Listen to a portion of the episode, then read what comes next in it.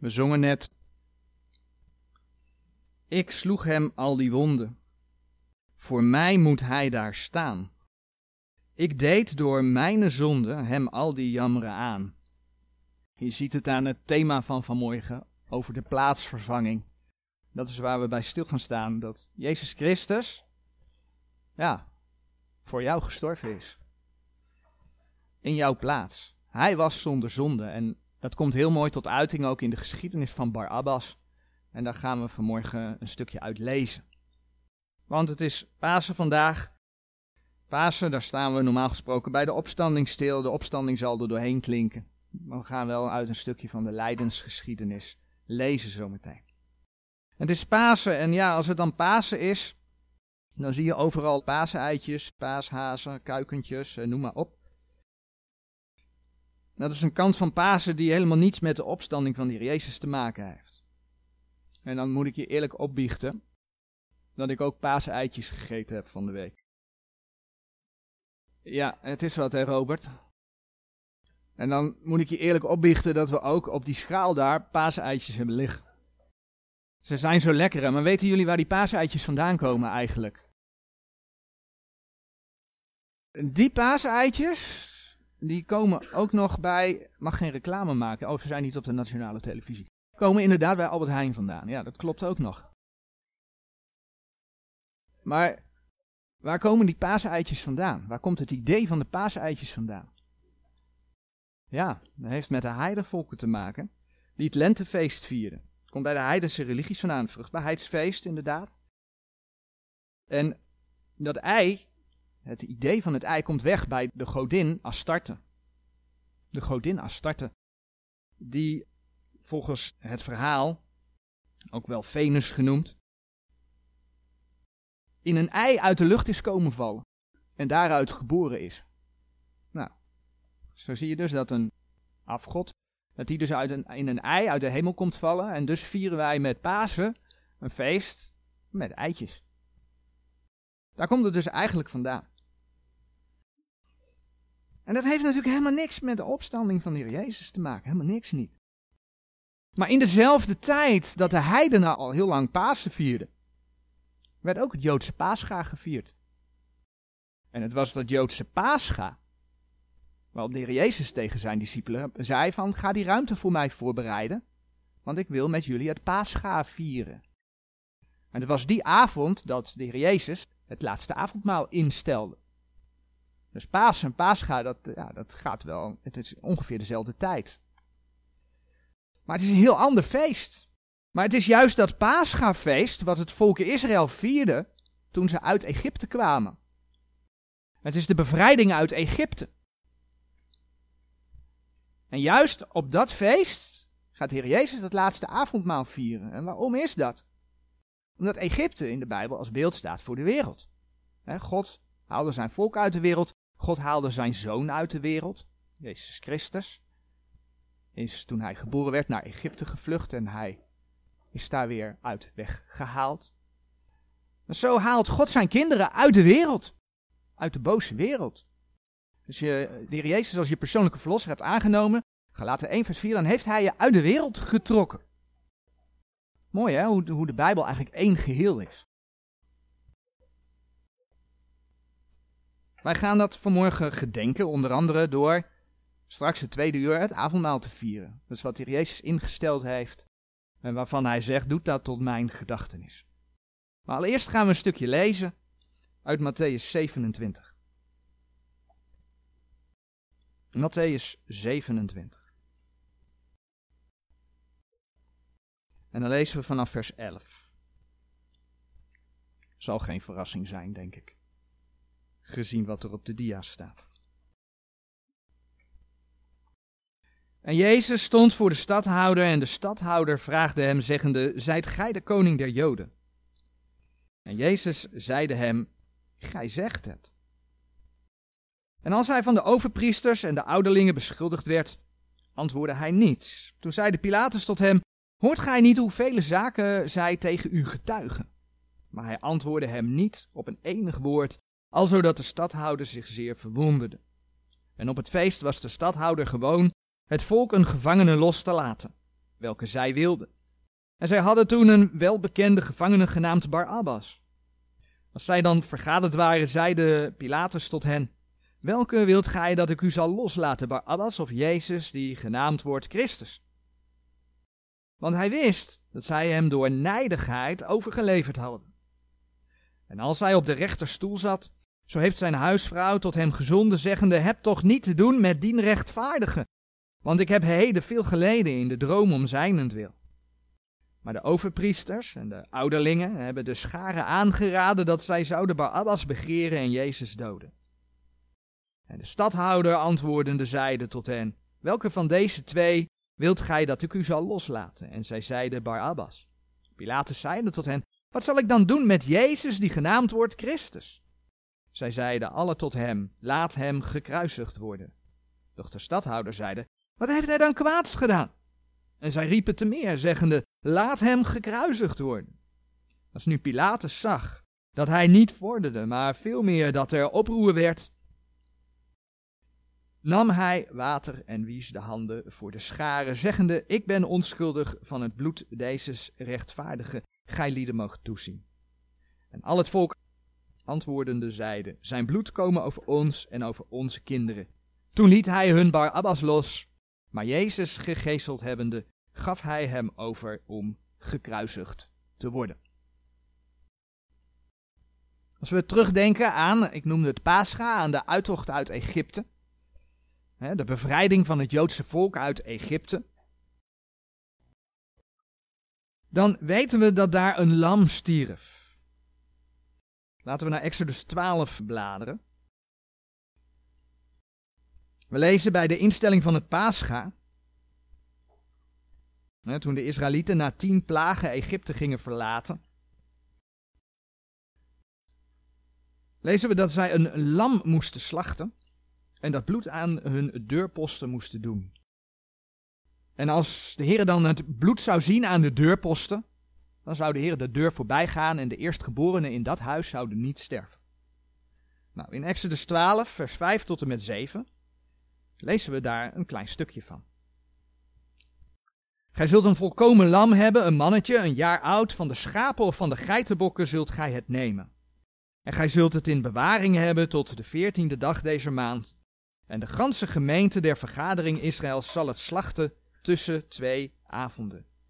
En ze zullen van het bloed nemen en strijken het aan de beide zijposten en aan de bovendorpel, aan de huizen in de welke zij het eten zullen. En dan gaan vers 12 en 13. Ik ga nog even verder. Want ik zal in deze nacht door Egypteland gaan en alle eerstgeborenen in Egypteland slaan, van de mensen af tot de beesten toe. En ik zal gerichten oefenen aan de goden der Egyptenaars. Ik, de Heere. Vers 13. En dat bloed zal u lieden tot een teken zijn aan de huizen waarin gij zijt. Wanneer ik het bloed zie, zal ik uw lieden voorbij gaan. En er zal geen plaag onder uw lieden ten verderven zijn, wanneer ik Egypteland slaan zal. We hebben net in vers 5 was dat gelezen, dat het om een volkomen lam ging. Een volkomen lam dat geslacht werd, een volkomen lam dat stierf. En daar waar dat vergoten bloed van dat lam werd toegepast, op de deuren, op de deurposten, bleef de eerstgeborene leven.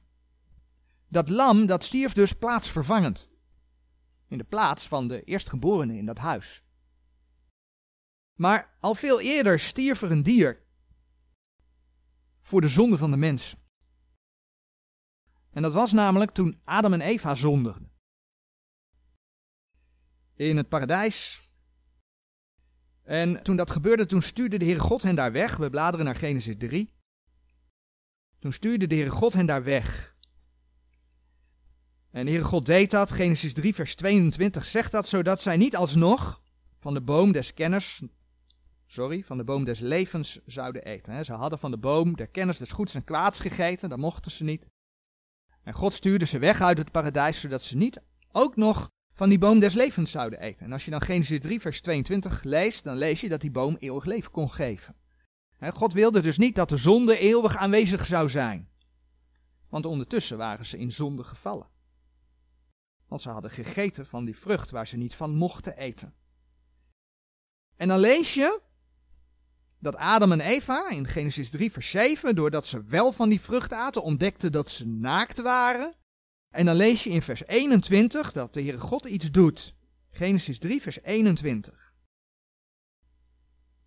En de Heere God maakte voor Adam en zijn vrouw rokken van vellen en toog ze hun aan.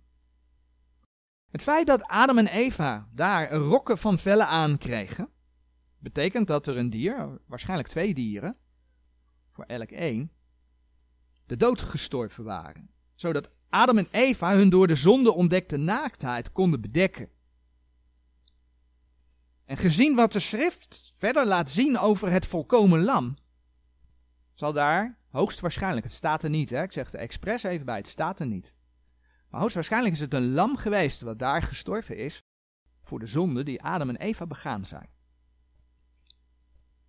Ik durf dat zo te zeggen omdat het volledig in de lijn van de schrift past. Dat zullen we ook nog zien. We hebben net gezien dat er een lam, een volkomen lam, moest sterven. Zo stierf er ook bij Adam en Eva een dier, waarschijnlijk een lam. Ja, voor de zonde van dat eerste mensenpaar. We vinden het terug in de geschiedenis van Kain en Abel. Kain en Abel brachten beide een offer. Dat lezen we in Genesis 4. Kain bracht een offer van de vrucht van het land, terwijl Abel een offer bracht van zijn kudde. Dus bij dat offer van Abel, daar vloeide bloed. Daar vloeide bloed, bij het offer van Kain niet. En dan lezen we in de schrift dat de Heere het offer van Abel aannam en het offer van Kain niet. In uh, Genesis 4, vers 4 en 5 lezen we daarover. En Abel die bracht ook van de eerstgeborenen zijner schapen en van hun vet. En de Heere zag Abel en zijn offer aan, maar Kain en zijn offer zag hij niet aan. Toen ontstak Kain zeer en zijn aangezicht verviel. Overigens, iemand een idee hoe de Heere dat offer aannam? Ik heb wel eens plaatjes gezien in een kinderbijbel en dan zie je dat de rook van Abel het offer naar boven gaat. De rook van het offer van Kain laten ze dan zo mooi afbuigen naar de grond zo ik wel eens een plaatje van gezien. Volgens mij eh, werd het daar al gezegd. God gaf vuur uit de hemel. Hij nam het offer aan. Je ziet het bij Elia. Elia moest een altaar neerzetten. En het offer van de Baalpriesters, dat werd niet aangenomen. Er kwam geen vuur, want ja, Baal was een afgod. Die deed niets. En de God uit de hemel, die beantwoordde het gebed van Elia. Met een offer dat notabene kletsnat was, want er moest zoveel water overheen antwoordde hij met vuur uit de hemel. Dus het offer van Abel werd aangenomen. Het offer van Abel werd aangenomen, daar vloeide bloed. Abel bracht een lam, plaatsvervangend voor zijn zonde. En dat zag de Heer aan. En ja, Kain dan, had hij dat dan niet kunnen weten dan? Kain bracht de vruchten van het land, daar had hij zelf voor gearbeid. Dat is ook een heel mooi beeld, dat had hij zelf gekweekt. En dat bracht hij. Ja, hij had het kunnen weten. En dat heeft weer te maken met het feit dat bij Adam en Eva al een dier geslacht werd voor de zonde van de mensen.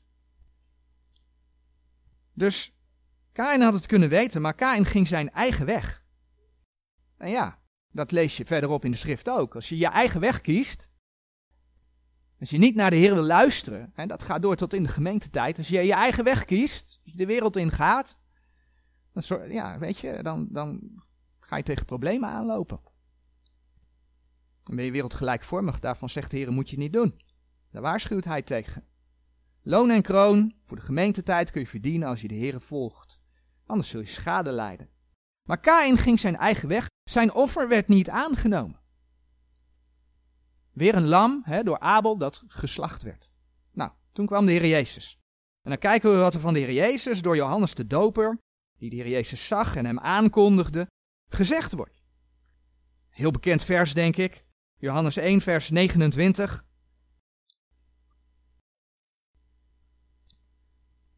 Des andere daags zag Johannes Jezus tot zich komen en zeide: Zie het lam Gods dat de zonde der wereld wegneemt. Zie het lam Gods. Het lam Gods. Dat de zonde der wereld wegneemt. De Heer Jezus stierf dus als lam van God aan het kruis op Golgotha en waarom gebruikt de Heer dat beeld?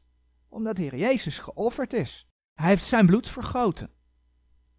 Hij heeft zijn bloed vergoten om de zonde van de mensen weg te nemen.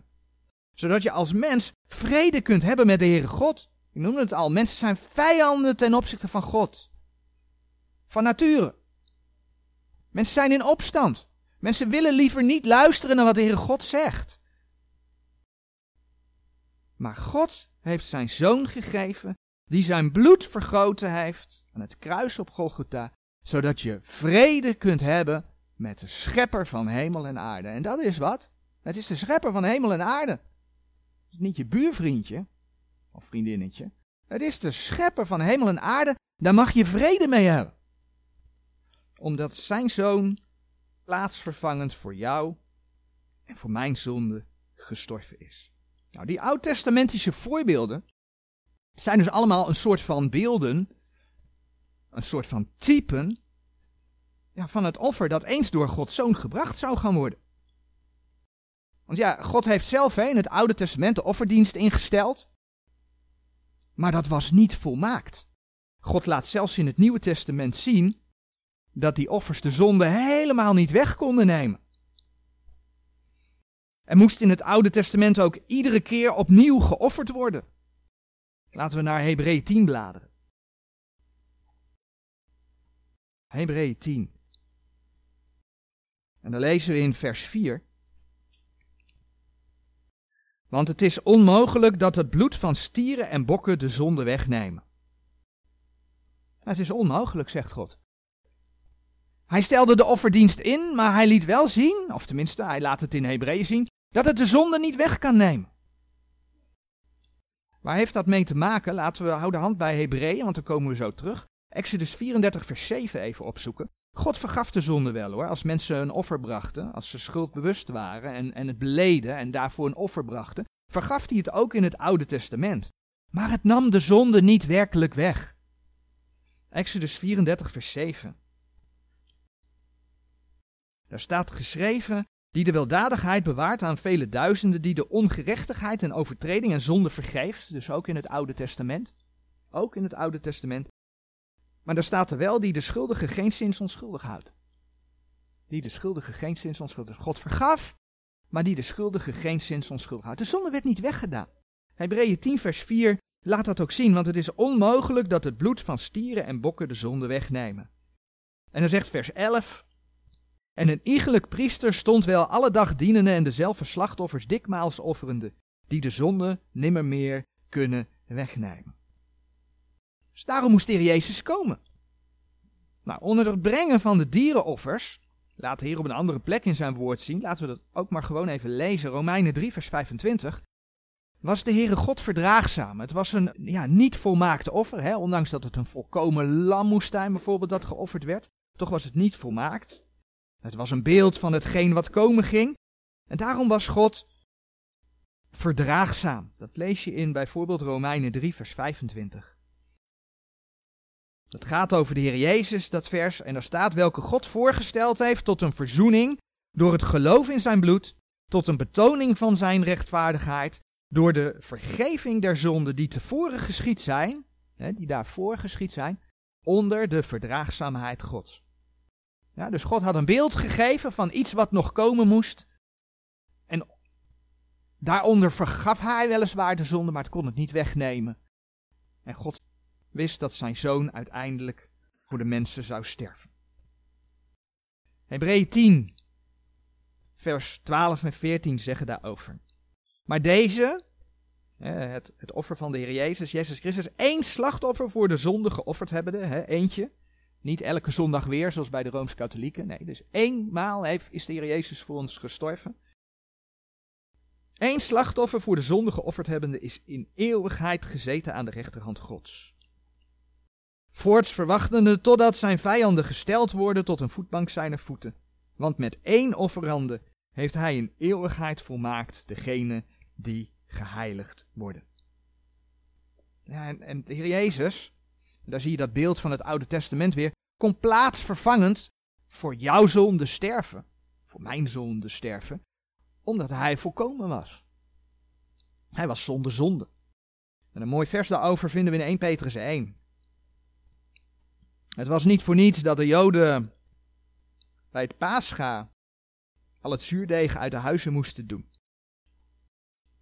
De Bijbel laat zien, de Heere God laat in zijn woord zien dat, dat zuurdeeg staat voor zonde. En wij gaan straks ook ongezuurd brood nemen bij het avondmaal.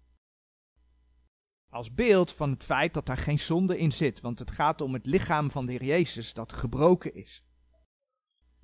In 1 Petrus 1, vers 18 en 19, daar staat geschreven: Wetende dat gij niet door vergankelijke dingen zilver of goud verlost zijt uit uw ijdele wandel die u van de vaderen overgeleverd is, maar door het dierbaar bloed van Christus als van een onbestraffelijk en onbevlekt lam. Hier heb je het weer. Hij wordt lam genoemd en hij was onbestraffelijk en hij was onbevlekt. Hij was zonder zonde. Hij was volkomen. En daardoor kon hij in jouw plaats sterven.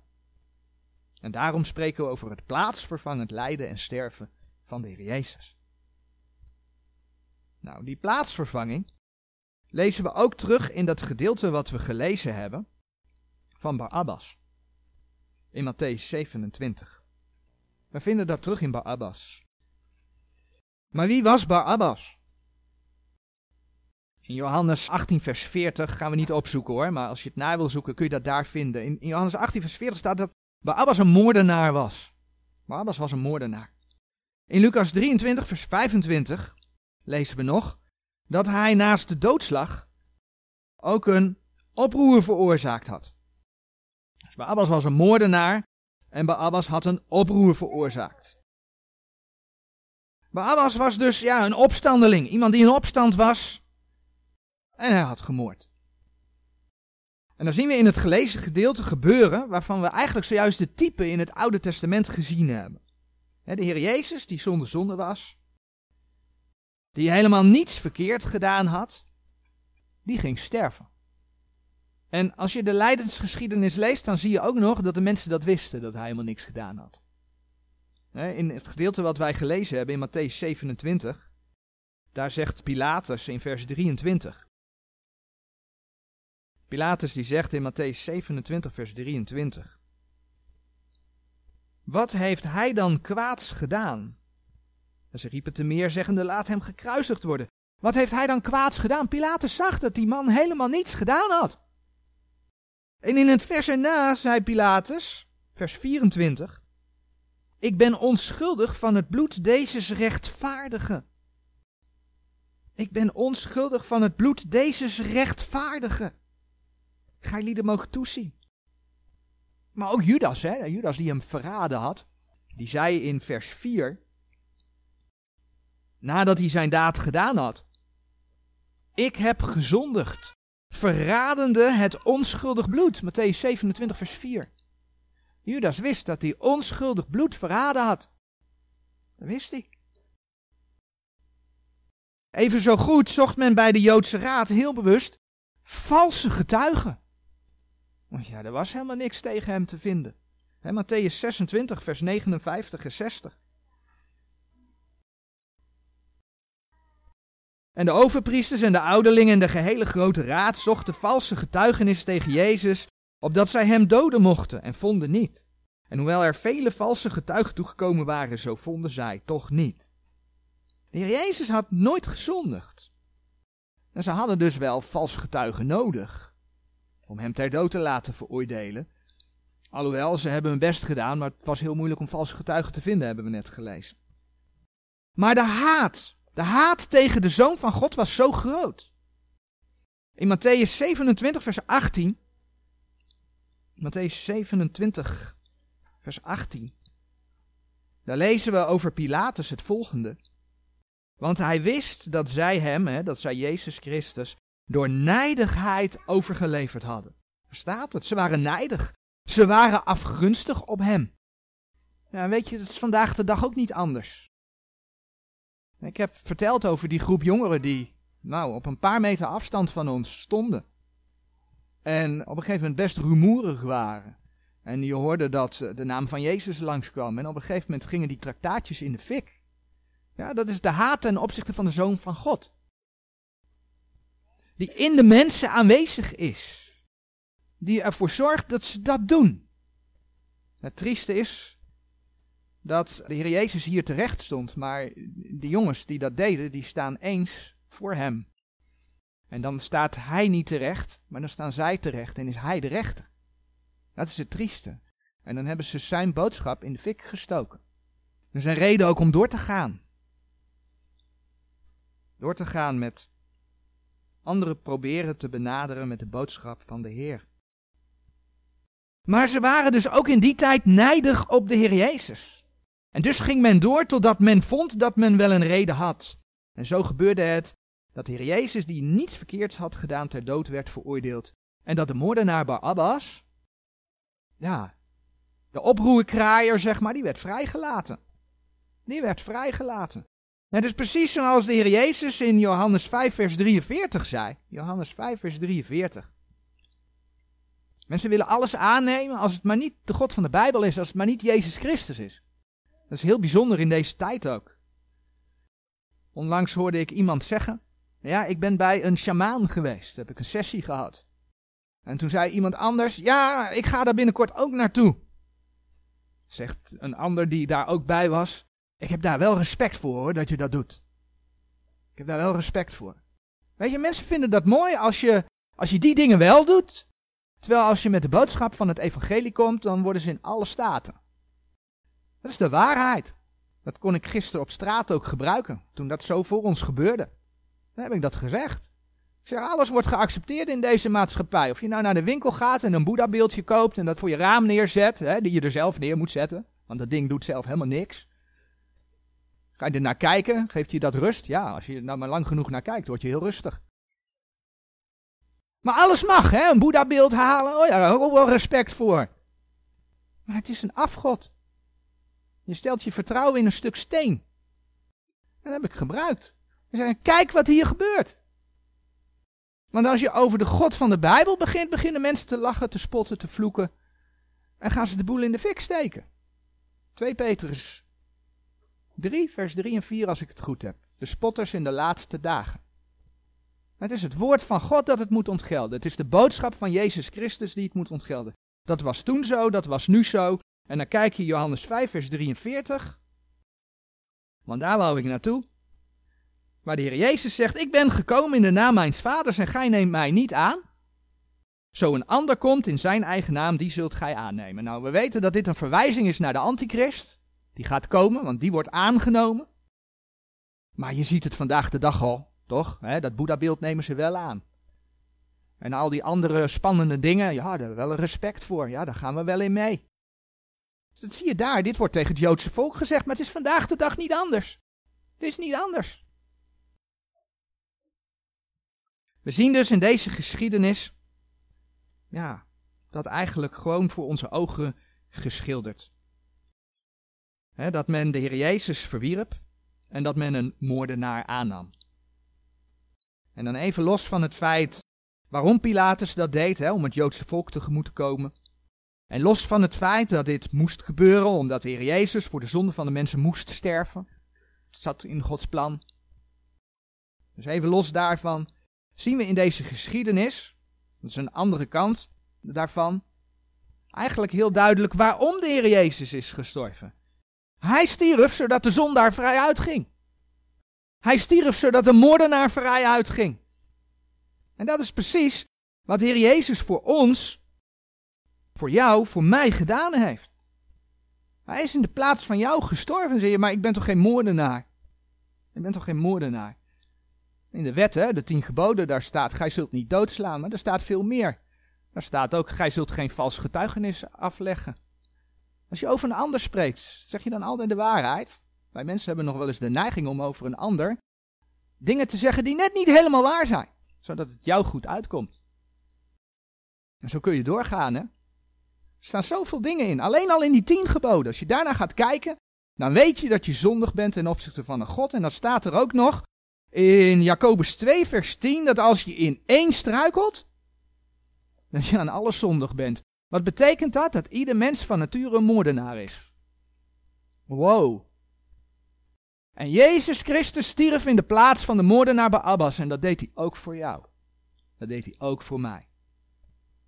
Nog zo'n tekst, 1 Johannes 3, vers 15, die zegt dat als je een broeder haat, dan ben je eigenlijk al een doodslager. Oeps. Ja. Als je over al die teksten gaat nadenken, Jezus zei, als je met je ogen een vrouw aanziet, zegt hij tegen de man en broeders natuurlijk, dan heb je al overspel gepleegd. Als je begeert. Als je over al die dingen gaat nadenken, dat gaat heel ver. Wij zijn zondig voor God. En daarvoor is Jezus Christus gekomen en is gestorven aan het kruis. Nou, die zonde, we kennen dat, is ontstaan natuurlijk in het paradijs. Adam en Eva die niet luisterden naar de Heere God, die hun eigen weg gingen. Nee, die gingen ook hun eigen weg, net als Kain. Ze gingen hun eigen weg, niet doen wat de Heere God zei, niet naar de waarschuwingen luisteren. Ja, en door die zonde, zegt de Heer, is is de dood in de wereld gekomen en is tot alle mensen doorgegaan. Bekende tekst, Romeinen 5 vers 12, laten we hem toch even lezen. Romeinen 5 vers 12. Daarom gelijk door één mens de zonde in de wereld ingekomen is en door de zonde de dood. En alzo de dood tot alle mensen doorgegaan is in welke alle gezondigd hebben. Alle, niemand uitgezonderd. De straf op de zonde, Romeinen 6 vers 23, is de dood. Maar Jezus Christus geeft het eeuwige leven. Laten we dat vers toch ook nog maar even lezen. Romeinen 6 vers 23. Want de bezoldiging, het loon der zonde is de dood, maar de genadegift Gods is het eeuwige leven door Jezus Christus, onze Here. Ja, en dan lees je in Romeinen 3, vers 23 tot en met 25, hoe je als mens door de Here dat eeuwige leven dan krijgt. Romeinen 3, vers 23 tot en met 25. Want zij hebben allen gezondigd en derven de heerlijkheid Gods. Derven is mis, hè? Je mist de heerlijkheid Gods zonder Jezus Christus. Vers 24. En worden om niet gerechtvaardigd, je hoeft er niks voor te doen, uit zijn genade door de verlossing die in Christus Jezus is. Welke God voorgesteld heeft tot een verzoening door het geloof in zijn bloed, tot een betoning van zijn rechtvaardigheid, door de vergeving der zonden die tevoren geschied zijn onder de verdraagzaamheid Gods. We zagen het al, in het Oude Testament zondigde men onder de verdraagzaamheid van de Heere God. Maar de Heer Jezus kwam dus om door zijn sterven, door zijn opstanding, voor eeuwig met die dood af te rekenen. Door hem is er werkelijk verzoening met de Heere God mogelijk. Hij vergeeft de zonde niet alleen, maar hij doet ze door de Heer Jezus helemaal weg. Het is gewoon weg. Wij mensen hebben nog wel eens de neiging om er weer op terug te komen. Maar als je het beleden hebt bij de Heer, hij vergeeft het, dan is het weg. Als kind van God ben je vergeven, maar voor al die dingen die je alsnog fout doet, mag je naar hem toe gaan, mag je het beleiden. Hè? 1 Johannes 1 vers 9. En dan doet hij, het woordje alles staat erbij, alle ongerechtigheid weg. En dat allemaal omdat de Heer Jezus Christus voor jou als zondaar gestorven, begraven en opgestaan is. Ja, dat laat die geschiedenis van Barabbas zien. Nog duidelijker wordt het wanneer we kijken naar de betekenis van de naam Barabbas. Barabbas betekent namelijk zoon van de vader. Zoon van de vader. Bar is zoon en Abbas is vader. Hè? Dan kun je denken aan het lied wat we gezongen hebben. Abba vader. Abba vader. U alleen, u behoor ik toe. Is God de Vader. Nou, een mooi vers erbij is 2 Johannes 1 vers 3. De Heer Jezus was natuurlijk de zoon van de Vader met hoofdletter. 2 Johannes 1 vers 3. Genade, barmhartigheid, vrede zijn met u lieden van God Vader en van de Heer Jezus Christus en de Zoon des Vaders, de Zoon des Vaders, in waarheid en liefde. Maar Baamas was dus ook een zoon van de vader. En dan krijg je dus een aparte vergelijking dat de zoon van de vader, de Heer Jezus, stierf voor de zoon van de vader, Baamas. En het is geen toeval dat de Heere God dit zo heeft laten plaatsvinden. Ik moest denken aan wat er in de woestijn gebeurde met het volk Israël. Toen ze uit Egypte bevrijd waren, lees je dat het volk iedere keer in opstand komt. En op een gegeven moment stuurt God giftige slangen. Dat vind je in nummer 21. God stuurt giftige slangen. En die bijten het volk en de mensen sterven. Nummer 21. En wat moet Mozes dan doen? Je moet een vurige slang maken. En dat deed hij van koper. En die moest hij op een stang plaatsen. En als het volk dan daarnaar keek, dan werden ze genezen van die beten. En dat lezen we in nummer 21 vers 5, nummer 21 vers 6. En dan lezen we in nummer 21 vers 8 en 9, toen het volk hun zonde beleed, dat het volgende gebeurde. En de Heer zeide tot Mozes, maak u een vurige slang en stel ze op een stang. En het zal geschieden dat al wie gebeten is, als hij haar aanziet, zo zal hij leven. En Mozes maakte een koperen slang en stelde ze op een stang. En het geschiedde als een slang iemand beet, zo zag hij de koperen slang aan en hij bleef levend. Dat is natuurlijk wel heel bijzonder, hè? Het volk moest naar een slang kijken. Een slang. Ik bedoel, waarom zou dat een slang geweest zijn? Want ik bedoel, waar denken wij aan? Als het over een slang gaat, dan denken we aan Genesis 3. Dat de slang bij Eva komt, haar verleidt. Dan denken we aan Openbaring 12, vers 9, waar gesproken wordt over de duivel als de grote draak, de oude slang. En die duivel, hè, die slang, was de oorzaak van de zonde. En daar zit het hem in. Daar zit het hem in. Want die zonde moest verhoogd worden, moest gedood worden. Dus die verhoogde slang is eigenlijk ook een gekruisigde slang. En ik gebruik die woorden expres, niet om de Bijbeltekst te veranderen, maar wel om uitleg te geven. En ik gebruik dus heel bewust die woorden, gekruisigde slang, omdat de Heer Jezus in Johannes 3, laten we daar naartoe gaan, zichzelf met die slang vergeleek. Johannes 3, vers 14 en 15. Ik denk dat we allemaal de tekst in Johannes 3, vers 16 kennen, want al zo lief heeft God de wereld gehad, dat hij zijn enige geboren zoon gegeven heeft, opdat een iegelijk die in hem gelooft niet verderven, maar het eeuwige leven hebben. Maar precies daarvoor staat het volgende, vers 14 en 15. En gelijk Mozes de slang in de woestijn verhoogd heeft, alzo moet de zoon des mensen verhoogd worden. Gelijk Mozes de slang in de woestijn verhoogd heeft, alzo moet de zoon des mensen verhoogd worden, opdat een iegelijk die in hem gelooft niet verderven, maar het eeuwige leven hebben. Dus de Heer Jezus vergeleek zichzelf met de verhoogde slang. En dan gaat het niet zozeer om de slang zelf, maar wel om het feit dat die slang verhoogd werd. Die slang was opgehangen. Die slang die voor de zonde staat, die moest sterven. En als het volk daarop zag, bleven ze leven. Ja, en die straf op de zonde, die dood, dat is exact wat de Heer Jezus gedragen heeft. Er staat ook in de Bijbel dat hij onze zonde op zich heeft genomen. Er staat zelfs, en die tekst gaan we opzoeken, 2 Korinthe 5 vers 21, dat hij tot zonde gemaakt is. En daarom stierf voor onze zonde.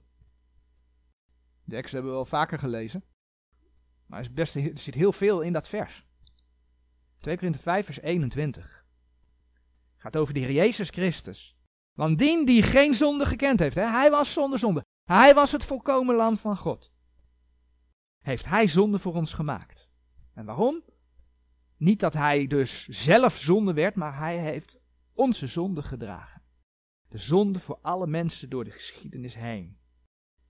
Opdat wij zouden worden rechtvaardigheid Gods in hem. Dat is wat hij aanbiedt. Nu was Barabbas een moordenaar, een oproerkraaier. zijn naam betekent zoon van de vader. Nou, dan kun je je afvragen welke vader. We zagen al dat de Heer Jezus de zoon van God de Vader is. Daar hebben we het net over gehad. Maar het punt is dat de Heer in zijn woord laat zien dat de duivel, dat die oude slang, dat dat ook een vader is. En daarvoor bladeren we naar Johannes 8, vers 41. Johannes 8, vers 41. De duivel wordt een vader genoemd en die wordt in die versen die we gaan lezen, notabene in verbinding gebracht met een mensenmoordenaar van den beginnen. In vers 41, daar lezen we, Gij doet de werken uws vaders. Dat zegt de Heer Jezus tegen de leiders van het Joodse volk. Gij doet de werken uws vaders. En dan lezen we in vers 44, Gij zijt uit de vader de duivel en wilt de begeerte uws vaders doen. Die was een mensenmoorder van den beginnen en is in de waarheid niet staande gebleven, want geen waarheid is in hem. Wanneer hij de leugen spreekt, zo spreekt hij uit zijn eigen, want hij is een leugenaar en de vader derzelfde leugen. De context van dit gedeelte is natuurlijk Joods. Maar dat dit niet alleen voor de Joden geldt, dat blijkt wel uit bijvoorbeeld Efeze 2, vers 1 en 2. Efeze 2, vers 1 en 2. dat is aan de gemeente geschreven. En u heeft hij mede levend gemaakt, daar gij dood waart door de misdaden en de zonde. Efeze 2, vers 1. Wordt tegen kinderen van God gezegd. En u heeft hij mede levend gemaakt, daar gij dood waart door de misdaden en de zonde. In welke gij eertijds gewandeld hebt, naar de eeuw deze wereld, naar de overste van de macht der lucht. Ja, van de geest die nu werkt in de kinderen der ongehoorzaamheid. Kinderen die hun eigen weg gaan, mensen die hun eigen weg gaan, die niet naar God willen luisteren.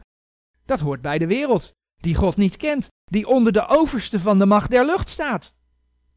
Die een vader wordt genoemd. Het geldt nu net zo. Iedereen die de Heer Jezus niet kent, laat Gods woord dus zien, heeft de duivel als vader. Barabbas was dus een kind, een zoon van de vader, de duivel. Vader met kleine letter. Net als alle mensen een kind, een zoon van de vader, de duivel zijn. En voor hen is de Heer Jezus, de zoon van de vader, met hoofdletter gestorven en opgestaan. En waarom? Om hen vrij te kopen. Vrij te kopen. In de hemel wordt over het lam gezongen. En in openbaring 5 vers 9 kun je dat lezen. Er zijn trouwens meerdere teksten hoor, die spreken over vrijkopen. Tegen Jezus dat door zijn bloed heeft gedaan. Maar openbaring 5 vers 9 zegt het ook zo mooi. Openbaring 5 vers 9. En zij zongen een nieuw lied, zeggende, Gij zijt waardig het boek te nemen en zij zegelen te openen, want gij zijt geslacht. Nou, dat gaat over de Heer Jezus. Gij zijt geslacht en hebt ons goden gekocht met uw bloed. Uit alle geslacht en taal en volk en natie. Gij hebt ons goden gekocht met uw bloed. Je bent vrijgekocht. Als je de Heer Jezus als je persoonlijke verlosser hebt aangenomen. 1 Korinthe 6 vers 20 zegt, je bent duur gekocht. Want het is God die in een menselijk lichaam naar de aarde kwam en zijn leven voor jou gegeven heeft. Je bent duur gekocht. En hij heeft je als zijn kind aangenomen. En dan is dus God je vader geworden. In Romeinen 8, vers 15 en 16 wordt de Heilige Geest, waarmee je verzegeld wordt als je de Heer aanneemt, wordt dan ook de geest van aanneming genoemd. Hij neemt je aan als kind van God. Romeinen 8, vers 15. Want gij hebt niet ontvangen de geest der dienstbaarheid wederom ter vrezen, maar gij hebt ontvangen de geest der aanneming. De geest der aanneming. En wat staat er dan? Tot kinderen. Door welke wij roepen? Abba Vader. Dezelfde geest getuigt met onze geest dat wij kinderen God zijn. Zoals de Heer Jezus, de zoon van de Vader, met hoofdletter, stierf in de plaats van Barabbas, de zoon van de Vader, met kleine letter. Zo stierf de Heer Jezus dus voor jou, als kind van de duivel, waardoor je een kind van God mag worden, waardoor je een kind van God mocht worden. Als je de Heer Jezus kent, dan ben je een kind van God. Dan heeft Hij dat voor jou gedaan. En de enige vraag die daarvoor van belang is, is de vraag die Pilatus stelde in Matthäus 27, vers 22. Matthäus 27, vers 22. Wat zal ik dan doen met Jezus, die genaamd wordt Christus? Wat zal ik dan doen? Dat is een vraag die ja, iedereen voor zichzelf moet stellen. Wat zal ik dan doen met Jezus, die genaamd wordt Christus? Als je hem verwerpt, ja, dan blijf je een kind van de duivel. Dan blijft Gods toren op je, staat er in de schrift. Dan ben je voor eeuwig verloren. Is je plaats in de hel als je komt te sterven. Je ziel gaat dan naar de hel.